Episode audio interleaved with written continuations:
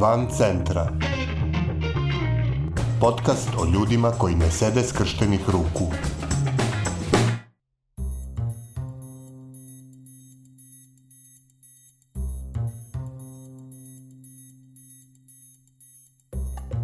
Ovo je 81. epizoda podcasta Van centra, koji prati napore ljudi iz cele Srbije da poboljšaju kvalitet života u svojim sredinama.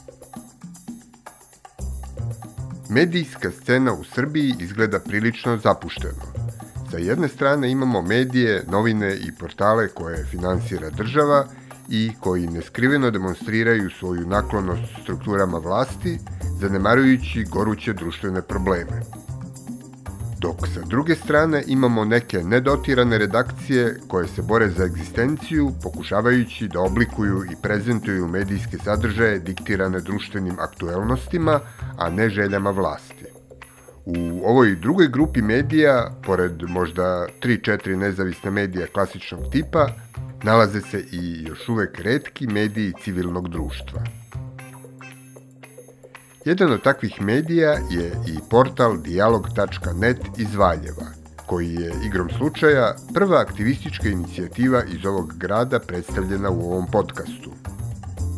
O tome kako je pokrenut ovaj portal i istoimeno udruženje građana, kako funkcioniše portal na svakodnevnom nivou, ali i kako izgleda aktivistička scena u Valjevu, u ovoj epizodi razgovaramo s Aleksandrom Milijaševićem, predsjednikom Udruženja građana Dijalog. Poslednjih godina Valjevo je prepoznatljivo u javnosti po, ajde uslovno da kažem, lošim stvarima i lošim temama, ali po hrabrosti jednog, jednog našeg e, sugrađanina, to je Aleksandar Obradović, koji je otvorio temu Krušika. Pored Aleksandra Obradovića još jedna tema zbog koje je Valjevo na, na mnogim crnim listama, to je uh, pitanje aerozagađenja.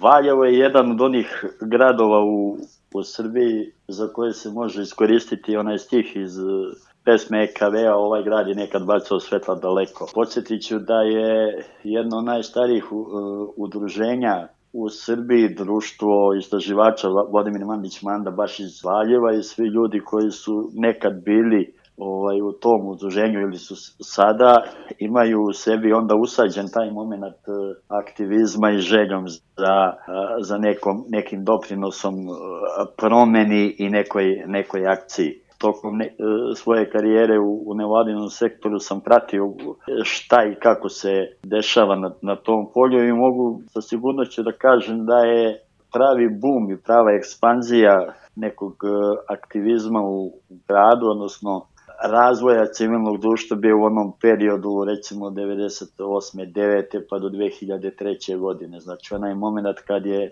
kada su se desile demokratske promene i sve, u Srbiji sve u i oko toga je dalo ovaj rezultat da je mnogo organizacija bilo osnovano. Pa se shvatilo otprilike da pored angažovanja u političkim strankama može običan građanin da doprinese nešto u svojoj zajednici i na, na ovaj način. Generalno, to su mahom su bile osnivane u početku organizacije e, koje se bave socio-humanitarnim aktivnostima. Bilo je dosta organizacija, ima dosta organizacija koje se bave decom i, i, i mladima. Postoji isto e, relativno dobro organizovan e, zajednice koja, koja je usmerena ka osobama sa invaliditetom. I posebno želim da, da napomenem deo aktivi, aktivističke scene romske zajednice i mogu slobodno reći jednog od vodećeg, e, vodećih romskih lidera u,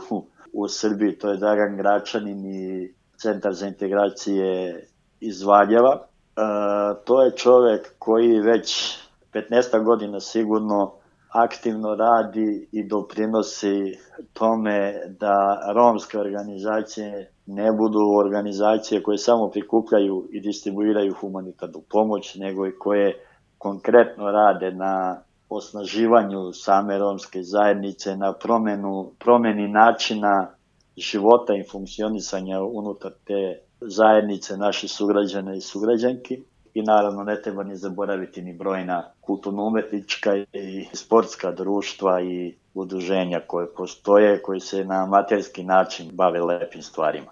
Pa kako sve te organizacije komuniciraju sa lokalnom samoupravom? Ima li tu nekog razumevanja i saradnje?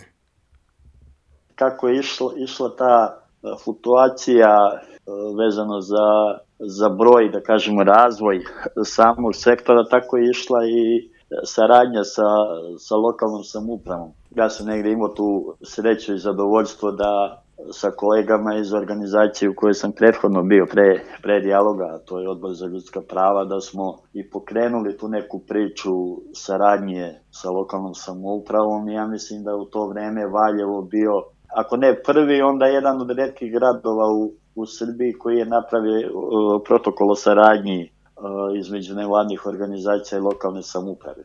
E, hvala na ovom prikazu konteksta za ovu priču, a to će biti priča u kojoj se pominju dve stvari istog imena.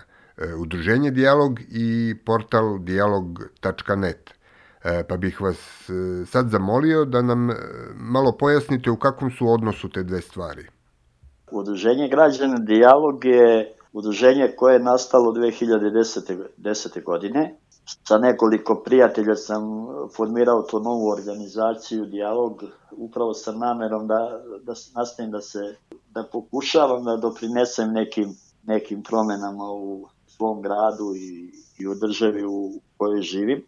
Posle formiranja dijaloga Radili smo nekoliko lokalnih e, akcija i lokalnih priča, radili smo jedno istraživanje o koliko su građani uključeni u procese donošenja odluka. Otvorili smo u našem gradu 2005. godine temu borbe protiv korupcije, zatim otvorili smo kroz organizovanje nekih okruglih stolova, otvorili smo i temu poštovanja prava pacijenata, kada je usvojen zakon o zaštiti prava pacijenata, podržali smo nešto što je rađeno, što je bazično pokrenuo u našem gradu Odbor za ljudska prava Valjevo, a to je javno zagovaranje za uspostavljanje institucija ombusmana i onda smo 2013. godine, mislim, doneli odluku da pokrenemo portal koji se zove Dialog.net. Svrha demokratije leži upravo u, rečima dijalog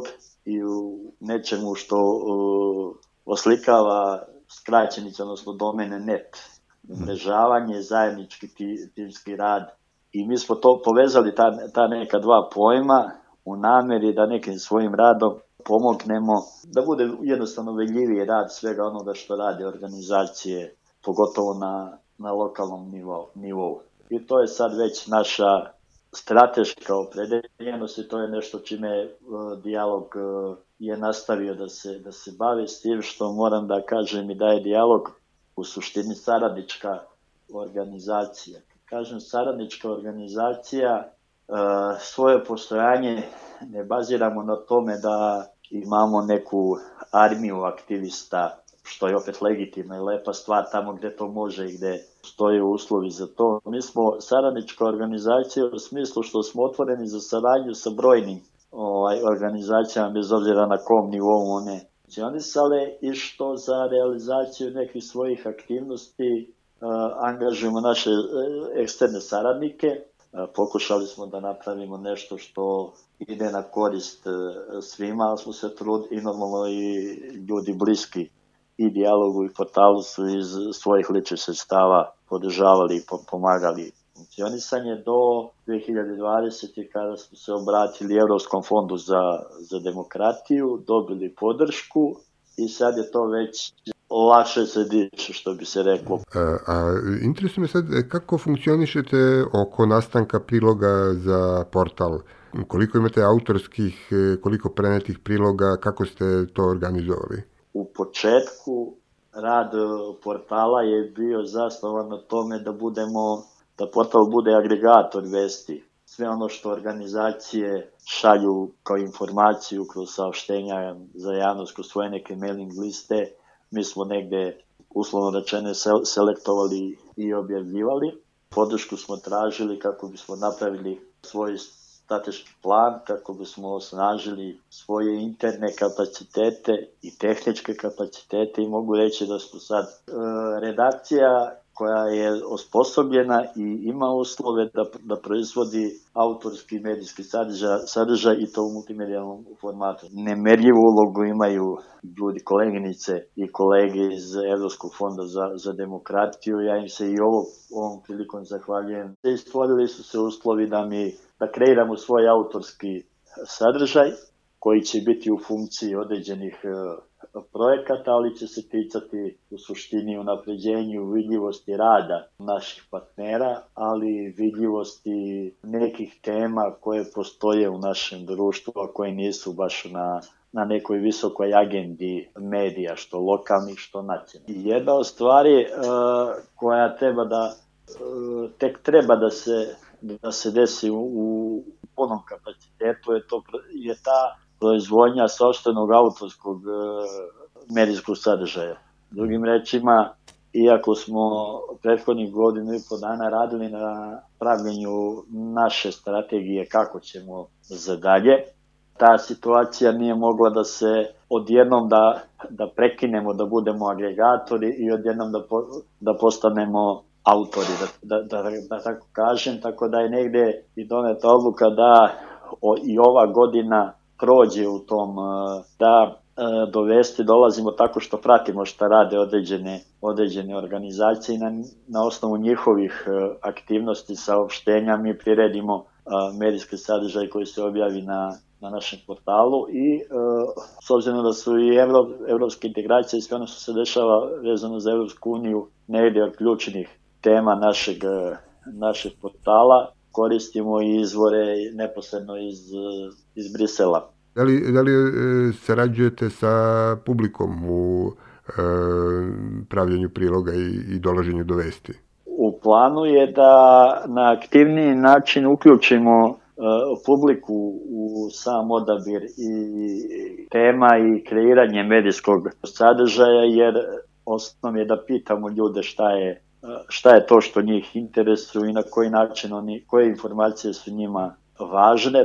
To znači da ćemo kroz neke mini ankete ili kroz e, komunikaciju sa publikom na našim društvenim mrežama predložiti otprilike ili im postaviti pitanje na osnovu pa ćemo na osnovu odgovora publike zaključiti šta je to što ih e, interesuje. Mislim da savremena proizvodnja medijskog sadržaja, pogotovo medija civilnog društva, trebalo bi da ide u tom smeru da se publika pita i da se da mogućnost da publika učestvuje u, u izradi medijskog, medijskog sadržaja. Mediji kreira svoju zajednicu koju se obraća i kreira svoju bazu kojom komunicira i s kojom će u, u nastupajućem periodu i, i sarađivati. A, da čujemo malo e, ko su zapravo ljudi koji su zaslužni za održavanje portala, ko, ko pokreće mehanizam iza kulisa, ko čini tim?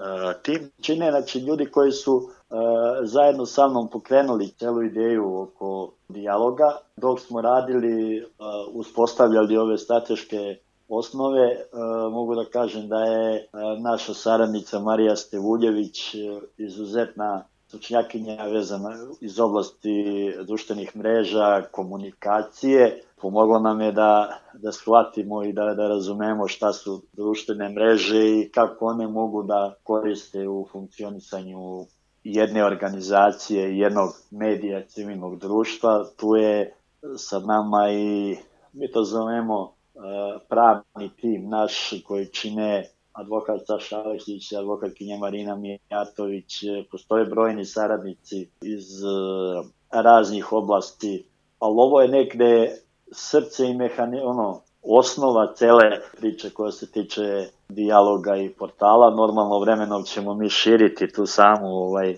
priču vezano i za, i za redakciju. Kako ste zapravo izabrali, zašto zapravo portal, a ne neka druga forma?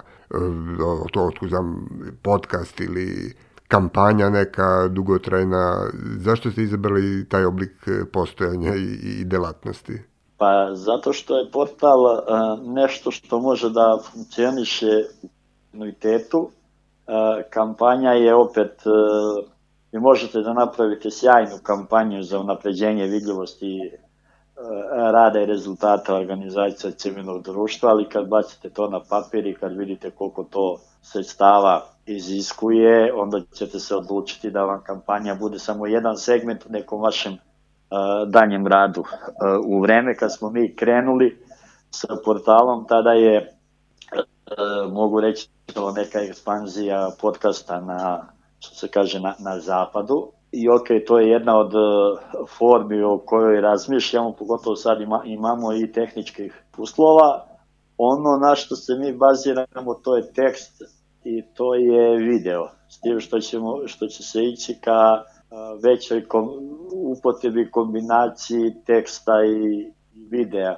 Ljudi sve više gledaju i slušaju, sve manje čitaju. Priču koju biste mogli da ispričate nekad u emisijama od 40, da li radijska, da li TV, nebitno, 45 minuta, vi jednostavno možete da ispričate u 60 sekundi, to je onaj storytelling format i to su negde ovaj, neke stvari koje ćemo mi pokušati da e, inoviramo i involviramo u sam naš rad, znači našoj publici da ponudimo i tekst i video i audio. Velika pažnja biće posvećena i tome da ceo naš sadržaj bude pristupačan i za osobe sa slabim vidom i gluve i, i naglove. Znači želimo što veći segment, što veći spektar uh, publike da, za, da obuhvatimo Koliko je e, u, u ovom trenutku tehnički održivo funkcionisanje ovako ipak prilično složenog portala? A ne, znamo da nezavisni medijski portali nisu baš neki mezimci vlasti, posebno ako se bave stvarima kao što, je, kao što i kod vas ima odeljak za borbu protiv korupcije. Pa, e, da li osjećate neke pritiske na vaš rad i kako uopšte preživljavate u ovo izazovno vreme? Za sada nije bilo nekih pritisaka, bar nismo osetili nečiju nakanu da nas pritiska. Pitanje održivosti je dobro pitanje. Na pr u prvi mah se može reći, možda shvatiti da je funkcionisanje jednog ovakvog portala uh, skupo, zahtevno, iz ličnog iskustva mogu da kažem iskustva uh, saradnika. Ako uložite dovoljnu dozu entuzijazma, po znacima navoda rizika. Rizik znači da ako napišete projekat i pošaljete, a umeđu vremenu treba da radite neke, neke stvari, vi rizikujete sa, sa svojim partnerima, ako projekat prođe, dobro je, ako nije, nema veze, idemo dalje. Nezgodno je vreme, što se tiče održivosti, zato opet kažem, e, dobro je da postoje, da postoje razumevanje u podrška u donatorskoj zajednici poput one na koju smo mi naišli kod Evropskog fonda za, za demokratiju. Naša ideja je da mi napravimo taj neki po, uh, paket koji možemo ponuditi organizacijama i da zajedno sa organizacijama delimo rizik. Ukoliko projekat prođe, postojaće neke, neka finansijska sredstva i za funkcionisanje te matične, osnovne organizacije koja nosi ceo projekat, a i nas saradnika na na tom projektu. Mislim da je to jedan dobar model na koji možemo ovaj, da, da funkcionišemo. Razmatamo još neke modele kako možemo da u ceo taj proces uključimo i poslovni sektor po modelu davanje za druge, tako da ćemo videti kako će taj proces e, održivosti trajati. Ja čvrsto verujem da portal kao što je Dialog.net ima šanse da, da u narednih 5 do 10 godina bude na, na medijskoj sceni. Verujemo u ovo što radimo i mi imamo jedan slogan našeg portala i organizacije ništa bez dijaloga, tako da mislim da i tu, tu je jedna velika šansa za nas.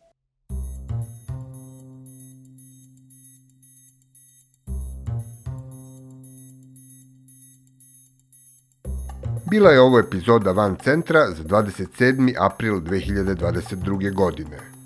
Nove priče o ljudima koji ne sede skrštenih ruku moći ćete da čujete u sredu 4. maja.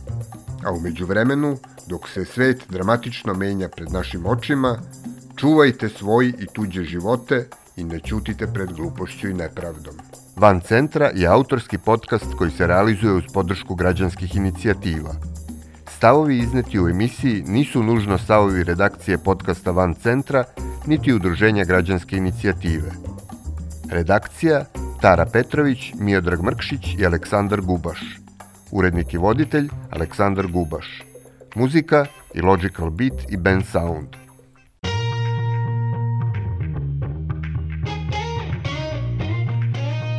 Van centra